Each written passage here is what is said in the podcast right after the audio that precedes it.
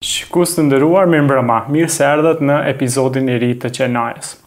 Sonte do flasim një temë, le të themi ashtu, edhe me e cila ka një dimension, le të themi, teorik ose metafizik, por edhe një dimension shumë praktik dhe real. Do flasim për një tri uh, nocione të rëndësishme siç është reminishenca, realia, por edhe transcendenca. O jo, mos u frigoni. Uh, do flasim për artin, artin e fotografisë, do flasim për a, teknikën se si ne e shkëpusim një moment në kohë dhe hapësirë dhe përmes saj përpiqemi të krijojmë këtë reminishencën, paraqesim një realitet, apo ta bëjmë krahasimin me një realitet aktual, dhe përmes saj të shohim edhe transcendencën, apo ajo që është përtej reales. A, për të biseduar për këtë temë, me mua sonte në studio, është Artisti, fotografi, Burim Myftiu. Burim, mirë se na erdhe. Mirë se të gjej, faleminderit. Burim, ti kishe një përvojë uh, goxha uh, të shtrirë kështu në, në hapësirën kohore. Uh, ke qenë themelues dhe drejtor i Dokufestit, po flas, po e marr Dokufestin ngaqë është sot shumë popullor dhe është i njohur edhe për publikun e gjerë. A ditëve të fundit ke pas para ca javësh që ke pas edhe këtë festivalin apo a si themi mirë thashë festivalin fotoist të quajtun fotoist me foto të ndryshme. Ë një festival i cili bëri bujë, por për këtë do flasim ne më vonë. Ajo çka m'ka bo përshtypje ma shumë prej teje kanë qenë kur ne jemi njoftu edhe fotot e para tuat i kam pa bardhezi. Por, para se me hy te kjo temë, të lutem, a, ma herët unë e thashë se fotografia është një lloj shkëputje, domethënë, momentale, në kohë dhe në hapësirë dhe ajo pastaj n'mënyrë ciklike na përsëritet në, në kohë sa, sa herë që ne e shohem. Po çë është fotografia për njeri i cili le të themi, e zotnon marifetin për me bo një fotografi të bukur? Fotografia për mu është mënyrë e komunikimit, është gjuha që të cilën e flasun më së miri, është imazhi me cilin unë kryesisht komunikoj, mënyrë shprehem, krijoj.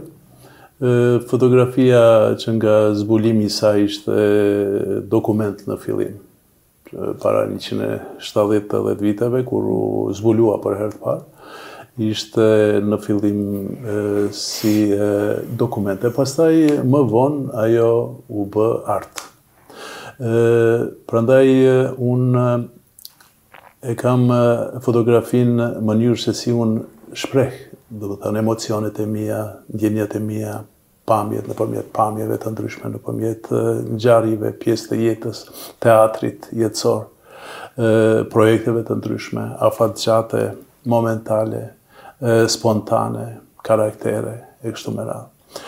Fotografia është një mënyrë e shpejtë e komunikimit. Ajo krijohet për një pjesë të sekondës dhe lexohet për një pjesë sekondës. Këtë dinamizëm që po e përcjell shekullin e 21 është më se do të thotë fotografia një pjesë elementare përbërëse e këtij komunikimi të shekullit njëzet e një dhe mua më bëhet qejfi, sepse është fotografia ajo që është në ekspansion në rritje, në popularitet. Çdokush ka nga një mënyrë komunikimi në xhep me një telefon mobil, fotografon dhe këmbehen fotografitë nëpërmjet sociale, rrjete sociale dhe komunikohet.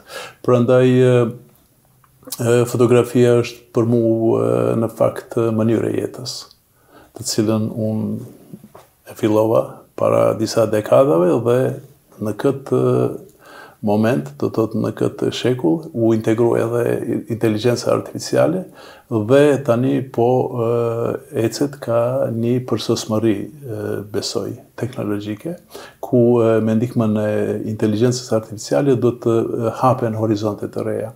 Unë nuk jam puritan, nuk jam puritan i filmit dhe nostalgjik, i cili thotë filmi ishte dhe asgjë tjetër nuk ekziston. Mm -hmm. Unë kam një qasje shumë të, të, të, të hapur ndaj zhvillimeve teknologjike. Ashtu ishte edhe atmosfera në familjen time, do thotë baba im ishte arsimtar i fizikës dhe i kimisë dhe në shtëpinë tonë tërë kohën kishte edhe robot, kishte edhe mhm. elektromagnet, kishte edhe dinamo edhe shumë gjëra tjera me të cilat ne u rritëm, po kishte edhe aparat fotografik që në familjen tonë kultivonim dhe ajo vazhdoi pastaj më vonë në jetën time u bë pjesë e pandashme.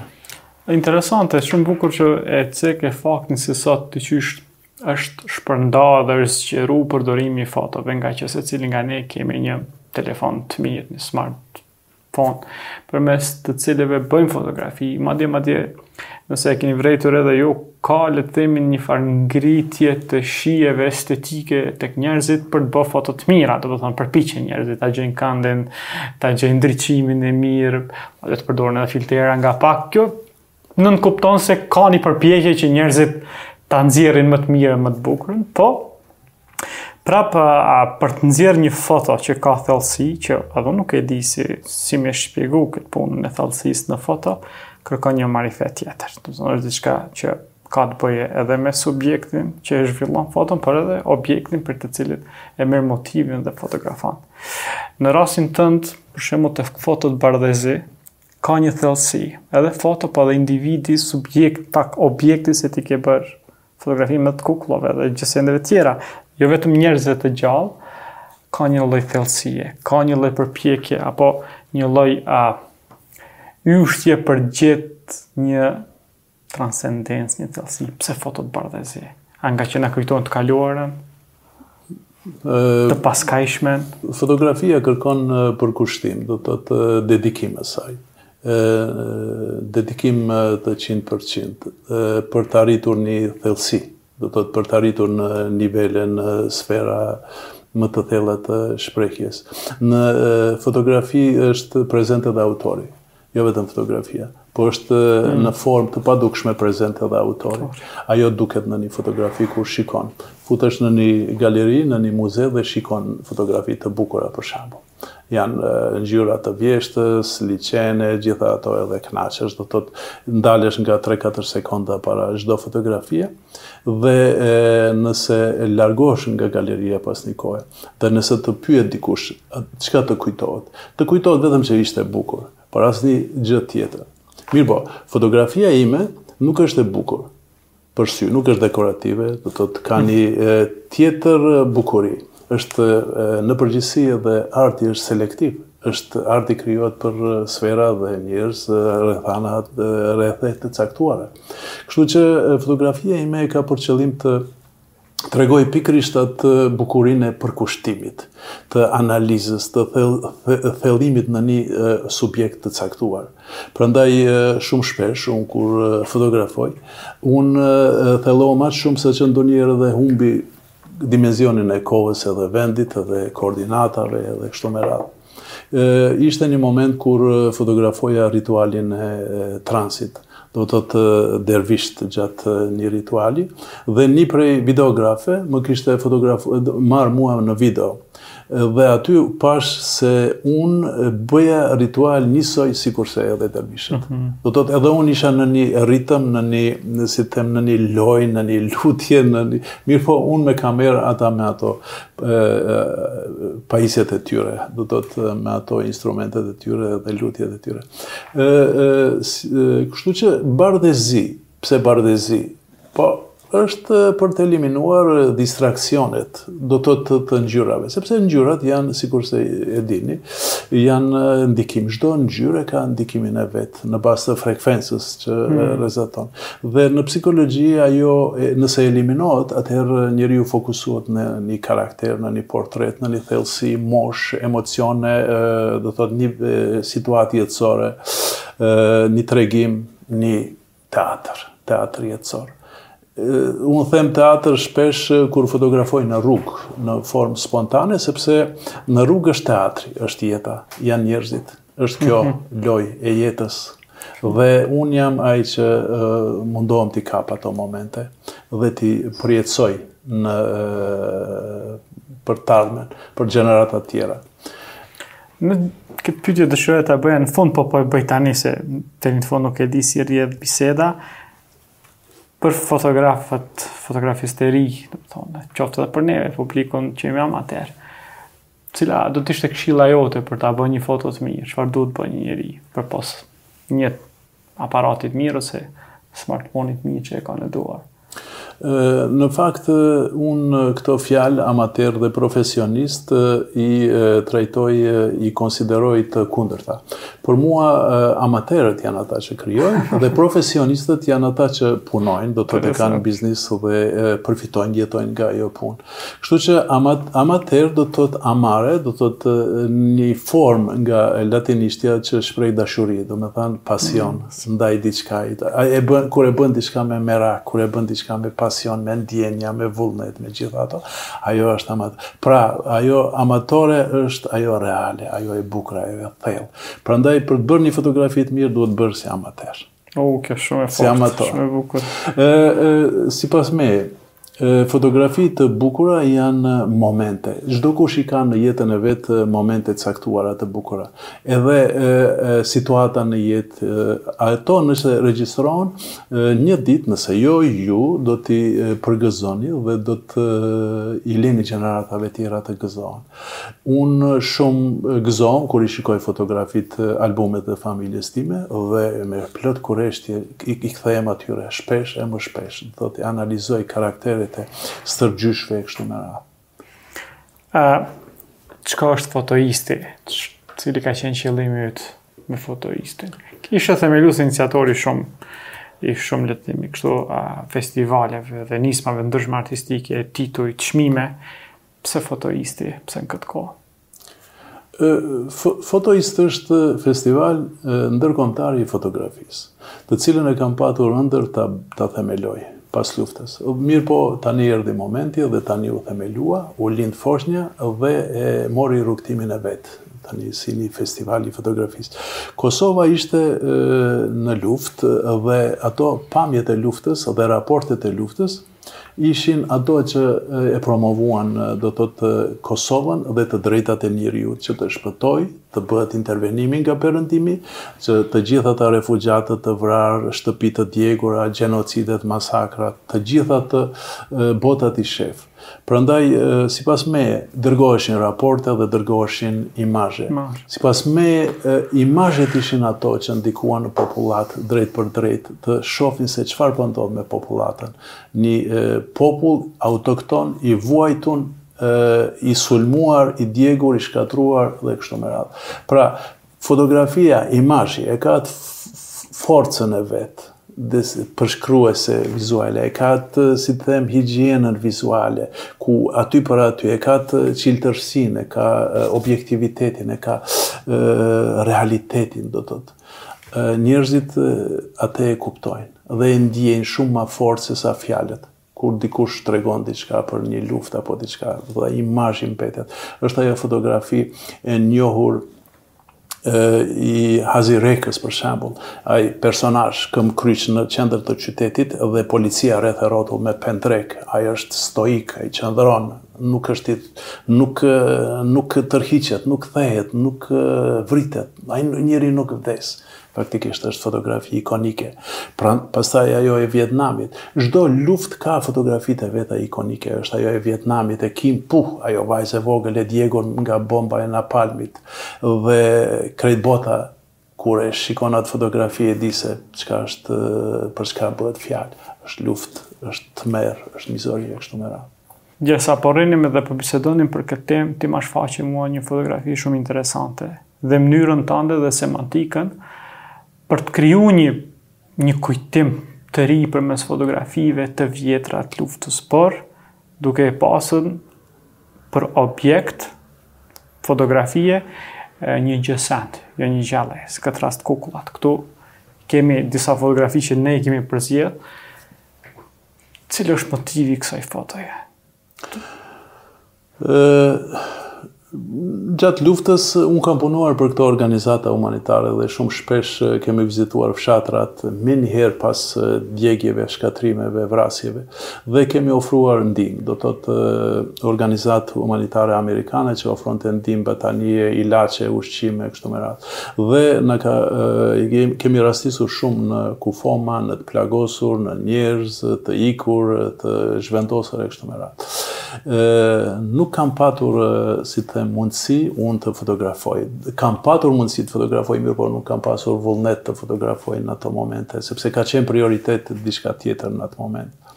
Dhe pas luftës, tërë kohën mendoja se si mund ta realizoj një projekt.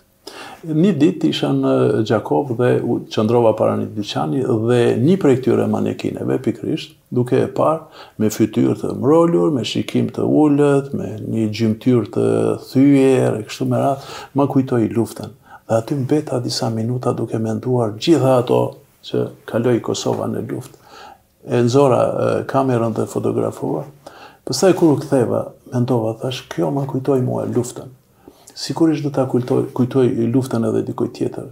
Dhe ishte mënyrë se si unë pastaj vazhdova të fotografoj kudo gjeja nëpër Kosovë dhe u bë një projekt afatgjatë, u bë një obsesion, u bë një, si të them, një pasion të kërkoj manekine të thyera kudo nëpër Kosovë, Kur u bë një fond prej disa mijërave dhe u bë pesëmbëdhjetë e më shumë vite që i fotografoja këto, kudo, e, e, e bëra një ekspozitë.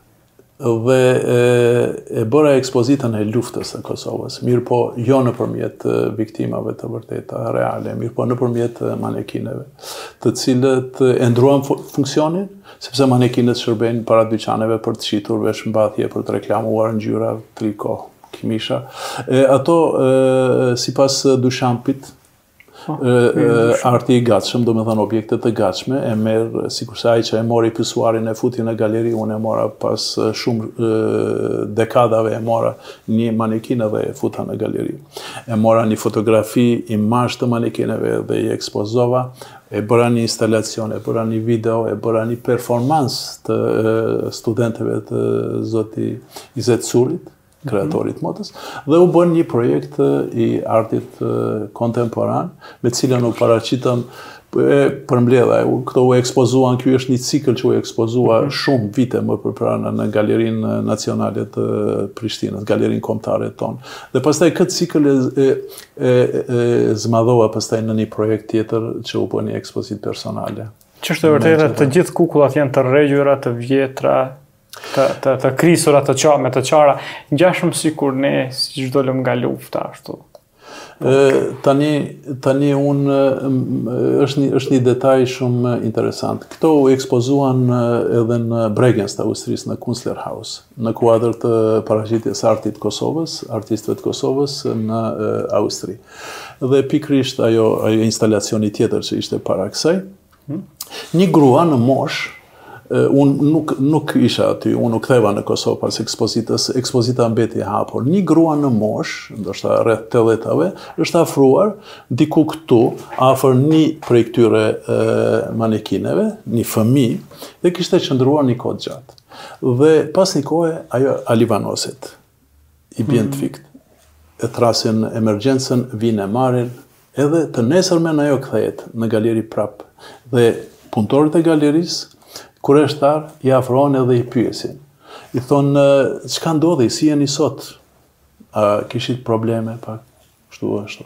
Marramendje apo çfarë? Ajo tha, jo tha, duke e shikuar këtë këtë vajzë të vogël, manekine, mua m'u kujtua lufta e dytë botërore. Wow. Edhe mua m'u kujtua krejt ajo historia e familjes tonë nëpër çka ne kaluam gjatë luftës dytë botërore, për të cilën e kam patur frikë të mendoj. të kthehem në ato mendime. Në mom, në moment ajo kishte thënë në moment kjo ma ktheu komplet filmin. Edhe e, tani thotë un nuk kam më frikë. Kam patur frikë të mendoj, tani nuk kam frikë. Tani erdha ta ta blej kët pjesë edhe ta marr në shtëpi.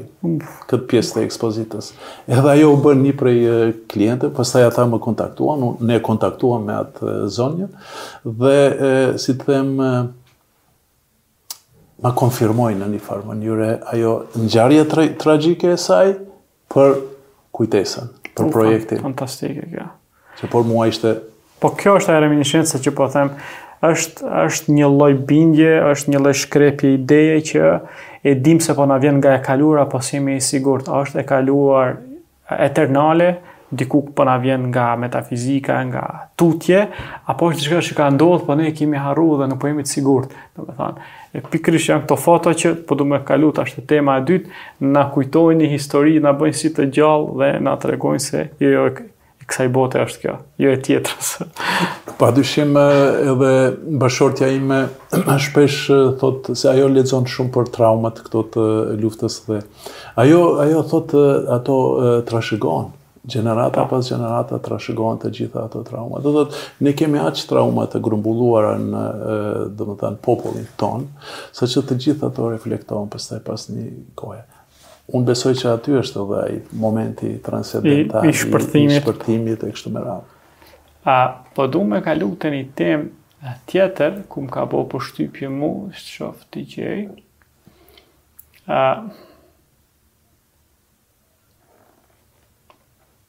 Këto.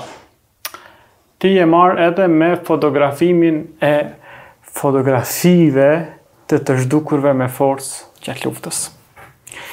Dhe kjo është dhimbja ma e madhe që kemi sot dhe vazhdon të jetë një dhimbje perpetuale për ne ngaqë këta nuk po gjinden, nuk edhe madje edhe sot është një debat i madh politik. Po, përmes fotove tua e vërejmë, e vëmë re se ti, kështu në mënyrë ciklike, përfshi këtu stinët, përfshi kohnat, natën, ditën, ke shku ke, ke fotografu në mënyrë konstante këto fotografi. Pse?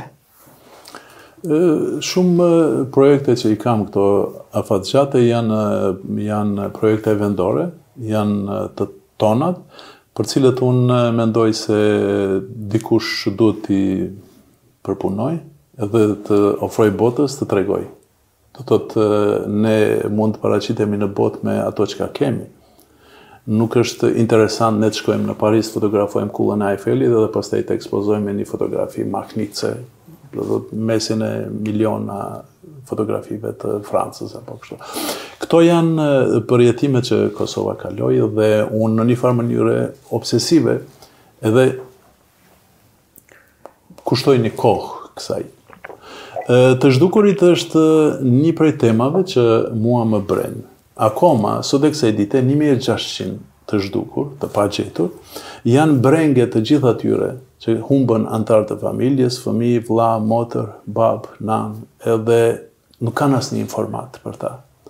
Dhe ata me shpresë sepse shpresa vdes e fundit, i printojnë fotografitë dhe i vendosin para parlamentit, para objekteve të ndryshme, me kërkesë që dikush të bëjë diçka për ata të gjinden anëtarët e familjes. Unë shkoj dhe i fotografoj ato. Verë, dimër, stinë... Ja, kjo është me borë, më duket, po, apo? Po. E mbuluar me borë, ose të pluhurosur, ose të zbehur, sepse ato zbehen pas një kohe prej diellit, prej shiut, prej kushteve atmosferike. Mirëpo, fotografitë zbehen, mirëpo, koncepti im është se memoria, kujtimi, për anëtarët e familjes, asnjëherë nuk zbehen. Mbetet i gjallë, po. Ajo vuajtja e tyre për mungesën e anëtarit të familjes mbetet pa kufi në eternitet. Dhe unë mendova që edhe unë mund të kontribuoj në këtë aspekt. Së paku ta aktualizoj nëpërmjet artit, nëpërmjet fotografisë, një temë të, të pagjeturve. Prandaj edhe këto, kjo është një, edhe ky është një projekt afatgjatë, të cilin e kam punuar shumë gjatë, dhe u, u paraqit në disa raste, u paraqit edhe në festivalin e fotografisë në Bursa, dhe në disa publikime, revista të ndryshme, dhe besoj që misionin tim e mbarova, do të thotë me këtë projekt. Tani janë edhe gjëra tjera, janë, janë histori tjera. Tjera, me siguri, me siguri. Po. motive ka nga më të ndryshmet, po thashë kjo është diçka perpetuale dhe vazhdon të jetë. Po vërtet dhimbje e madhe dhe populli jonë si me thënë, ne vazhdojmë ta mbartim në ta mbartim në shpatullat tona dhe uroj që po besoj që një ditë sa Do të gjinden këta njerëz. Dhe ne do të shpëtojmë nga kjo dhimbje dhe barrë e rëndë që kemi qoftë si shoqni, qoftë si institucione. Shumë familje do të ishin të qenë të lumtur, ashtu deklaroheshin. Në një qetësi, një paqe po. shpirtënore sepse barra barra është e rëndë. Në fillim fole edhe për transcendencën dhe ti e, e fole, e tregove për një përvojë tënden gjersa ke fotografuar dhe në të njëjtën kohë duke fotografu ke qenë pjesë e ritualit. Kjo është transcendenca, një foto për ta kap transcendencën, a, për tejshmërinë, Përmes fotos, a është e mundur kjo? Gjatë ritualit të transit, kam patur unë qëllim të fotografoj ritualin, jo dervishët. Dervishët ishin vetëm objekt nëpërmjet të cilës unë mhm. desha ta realizoj idenë time ta kap transin. Në Haiti e kanë vudu, në vende tjera kanë ato tjera rituale, ne i kemi këto në Gjakovë, Prizren, po, Rahovec e kështu. Kjo është zikri po. që bëhet, domethënë, këta janë Muridat dhe murshidi diku do të jetë atje, të cilët përpiqen që të kalojnë në ekstazë me gjuhën e filozofisë, apo të kalojnë në trans me edhe kjo gjuhë, po këto a, është një përpjekje për të kalu nëpër shkalla ma të nalta në fena, si quhet në gjuhën e tesavufit, për të arritë një gjendje shpirtënore ku ata janë të shprangosur tërësisht nga trupi. Një gjendje zen. Zen, po. Një gjendje kulminante, një gjendje ku ata nuk janë as në qiell, as në tokë, edhe në qiell, edhe në tokë, ku teoritë mbi shpirtin e njeriut, si të them, konfirmohen, Ë janë është transi ku ë ata faktikisht për një moment të caktuar derisa bëjnë ato ritualet e tyre fetare, ata humben humbin krejt. Do të thotë në fotografitë, fotografitë e mia të, të transit janë në lëvizje të gjitha. Do të thotë edhe unë lëviz, edhe ata lëvizin, edhe në ndërkohë unë mundohem ta kap atë momentin e, e transit. gjendjes mendore. Dhe shumë prej tyre janë të tmerrshme, nuk janë aspak të bukura dekorative, prandaj edhe nuk janë në këto media sociale këto aspak nuk i nuk i postoj. Ky është një projekt të cilën e kam bërë shumë vite me radhë, janë dervishët e Gjakovës dhe të Prizrenit dhe janë, si të them, ekspozuar në mhm. Baden-Baden, në Gjermani edhe në disa vende tjera. E herën e fundit janë ekspozuar në Amerikë, në Findlay University, në Ohio.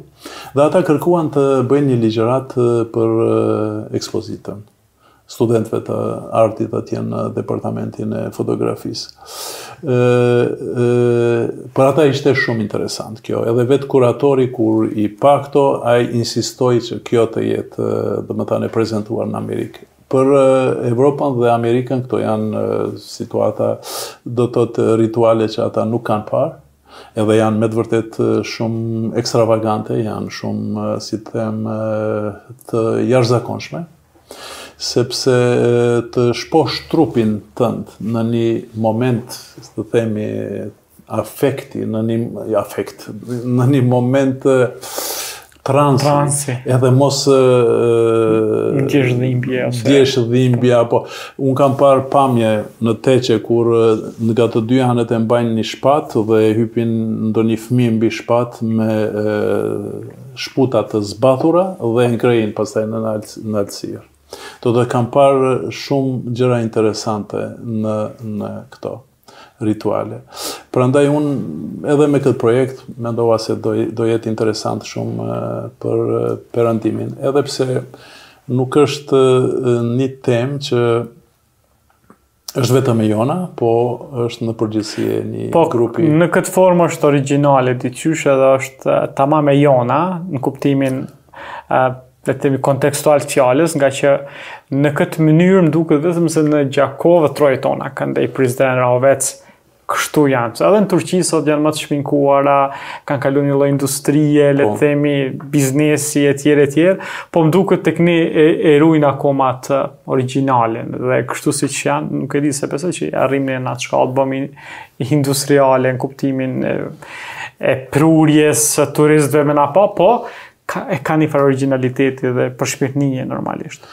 Unë unë i shikoj këta si, si ikona këto fotografi këtë seri. Janë komunikime, si të them, përtej gjuhës, përtej trupit dhe ajo frekvencë që këta i bashkon në atë moment, mm, është ajo energji. që reflekton aty në në dhomë kur kur bëhet kjo. Dhe e, e, shumë shpesh do të thotë unë matem para edhe pas ritualit dhe një herë për çudi 2 kg isha isha dobësuar gjatë një rituali, Uf. para dhe pas. Interesant. A ishte ajo, si them, energji, djersitje, humbën e kështu me radhë. Do të thotë është diçka shumë e çuditshme. A, për fund fare, se më vjen keq, ne emisionin e kemi të shkurtë, nuk e kemi gjatë shumë, prandaj po. E, e kam edhe një fotografi që më, më ka ranë sy, në fakt, të gjitha janë të bukra dhe kanë mesazhet e veta, po, e pa është një motiv interesant. Foto që po kërkoj, po e kërkoj është kjo. Domethënë, është një kontrast i madh social. Në mes prapavisë dhe individit në fjalë. Domethënë përmes fotos një farë mënyrë përpjekje është qoftë edhe bardhezi t'i nxjerrë këto kontrastet e mëdha sociale që kemi. Ajo është e ardhmja, bota te e cila jemi, bota e imazhit, diktatura e imazhit, e ngjyrave, e shminkimit dhe transformimit apo më së shumti falsifikimit tonë, edhe bota këtë tërësisht reale, edhe një shtresë krejt tjetër sociale. Ky ky është ky është ka qenë një jorganxhi, ky Faik Faiku. Ktu është 99 vjeçar dhe ishte ka fundi i jetës së tij. Gjatë punës së tij e kishte edhe një tragjedi kishte kishte ndodhur, e kishte verbuar veten me gjilpërë. Edhe syri i majtë, domethënë. Po. Edhe ky endej nëpër qytet, nuk kishte shumë anëtarë të familjes dhe shumë shpesh kur takoheshim me te, uleshim diku e shumë shpesh e kam fotografuar dhe një ditë qëllova në një stacion ku priste autobus, ishte vapë e madhe dhe e kishte vendosur një, një letër të kafes në kokë në formë kapele dhe mua kjo pamje ma kujtoi një prej atyre pikturave të shekullit të mesëm që janë të renesansës me ato kapela, me ato do të thotë... Mirëpo, ishte edhe një femër atje në poster mbrapa dhe ai kontrast më intrigoi, më tërhoqi ta bëj një shkrepje, ta bëj një fotografi dhe unë mendoj se sikurse edhe që është edhe detyrë e çdo krijuesi. që protestojë në një farë mënyre me krijimin e vet, ose me shkrime, ose me poezi, me film, me fotografi, me kërë. Edhe kjo është një prej atyre protestave që e kemi të gjithë, krijuesit, ne krijuesit edhe, edhe, edhe ti, edhe të gjithë, që të protestojmë kundër padrejtësive, sidomos ato sociale dhe përmirësimit të standardit jetësor dhe kështu me radhë. Edhe disa fotografi të tjera të cilat më bënë, ja kjo, më bënë përshtypje, Janë këto hijezimet apo nuk e di në bazë të asaj që e pashë, këtu ka dy është një njeri i cili përpiqet të gjejë veten në mes dy personaliteteve. Atij që është dhe dëshiron të bëhet, apo ai që s'është dhe do duhej të ishte. Edhe pse shpesh më jep përshtypjen se fotografia në të djathtë është grua, në të majtë është burrë, që gjë që nuk jam i sigurt. Dhe ky në mes është një hije që përpiqet të rendë, të vërdalliset herë andej herë këndej. Na thuaj, na flit ti për burimin e motivin e kësaj fotoje, edhe serive të këtyre fotove kështu. është ai termi që e kemi domethënë mësuar edhe në shkollë, është simbio, fjala për simbiozë. Simbiozë do të thotë një bashkëjetesë.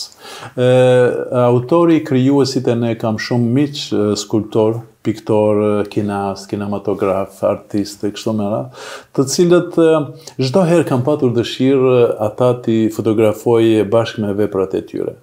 Mirëpo në një formë ndryshe nga ajo klasike. Prandaj e kam quajtur simbiozë, sepse është në fjalë ni kuadër, ni shkrepje, ni fotografi, pa fotoshop, pa intervenime, mirëpo me ni eksponim të gjatë, me teknika do të thotë pak speciale të fotografimit. Janë këto dy vepra të Ismet Jonuzit, i cili është një skulptor dhe vizatues shumë i mirë, është një piktor, është pedagog në Akademinë e Arteve, e kështu me radhë. E kam mik të mirë dhe një ditë isha në ateljen e tij edhe më shkrepi ideja ta fotografoj, kështu që Ismeti lëviste, Mes dy punimeve të tij edhe unë shkrepja. Ashtu u krijua kjo fotografi. Domethënë këto ishin statike, ai ishte në lëvizje e kështu me radhë. Mirëpo, ja, do të thotë është, si të them, një seri, të cilën pastaj vazhdova edhe me artistë të tjerë, e cila quhet simbioza, ashtu si thashë. Janë edhe ato versione të tjera për shembull është një sikurse sikurse kjo kësi ajo tjetra që është ja edhe kjo po është edhe një tjetër me sku ja për shembull kjo Ismet Jenuzi, ja po shihet mbishkrimi aty po. po. Ishte e gdhendur, po. kjo ishte e gdhendur në mur dhe ishte një vepër e Ismetit faktikisht. Mirëpo unë e pashë në këtë vepër të Ismetit dhe pashë Ismetin, sepse ë krijuesi kërkon e paraqet edhe edhe veten edhe veten. shumë piktorë i kanë sytë e pikturave të tij sytë e veta në piktura të tij shumë po. interesant është edhe unë në një moment i thashë Ismetit të lëvizë poshtë e lart dhe e zura një moment spontan ku ai korrespondonte me pikturën me këtë skulpturën e tij Dhe u bë një farë paralele, u bë një farë një fotografi shumë e bukur i pëlqen edhe atij. Dhe dhe është një temë interesante ku përdoren teknika do të thotë fotografimit. Interesante. A, vërtet foto shumë, unë nuk arrita t'i themi t'i t'i t'i vëzhgoj të gjitha kështu mirëfilli, po të gjitha ato që i pashë vërtet janë motivuese dhe ka shumë çka për të folur. Mua më vjen keq që ne arritëm në fund të një emisioni tjetër.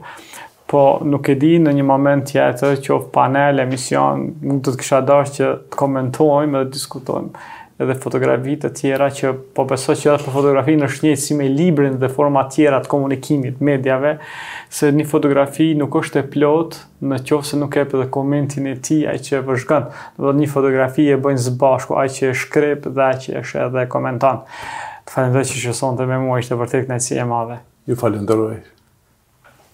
Ë shikues të nderuam edhe në fund të një emisioni tjetër të të Qenajs. Me çast Patëm rastin të bisedojmë edhe për një dimension ndryshe të fotografisë dhe larg atij komercial dhe të përditshëm që ne shpesh jemi mësuar ta shohim dhe ta përdorim, po kësaj here u përpoqëm që të tregojmë se arti i fotografisë mund të na nxisë neve edhe për meditime apo për thellime tona në labirinte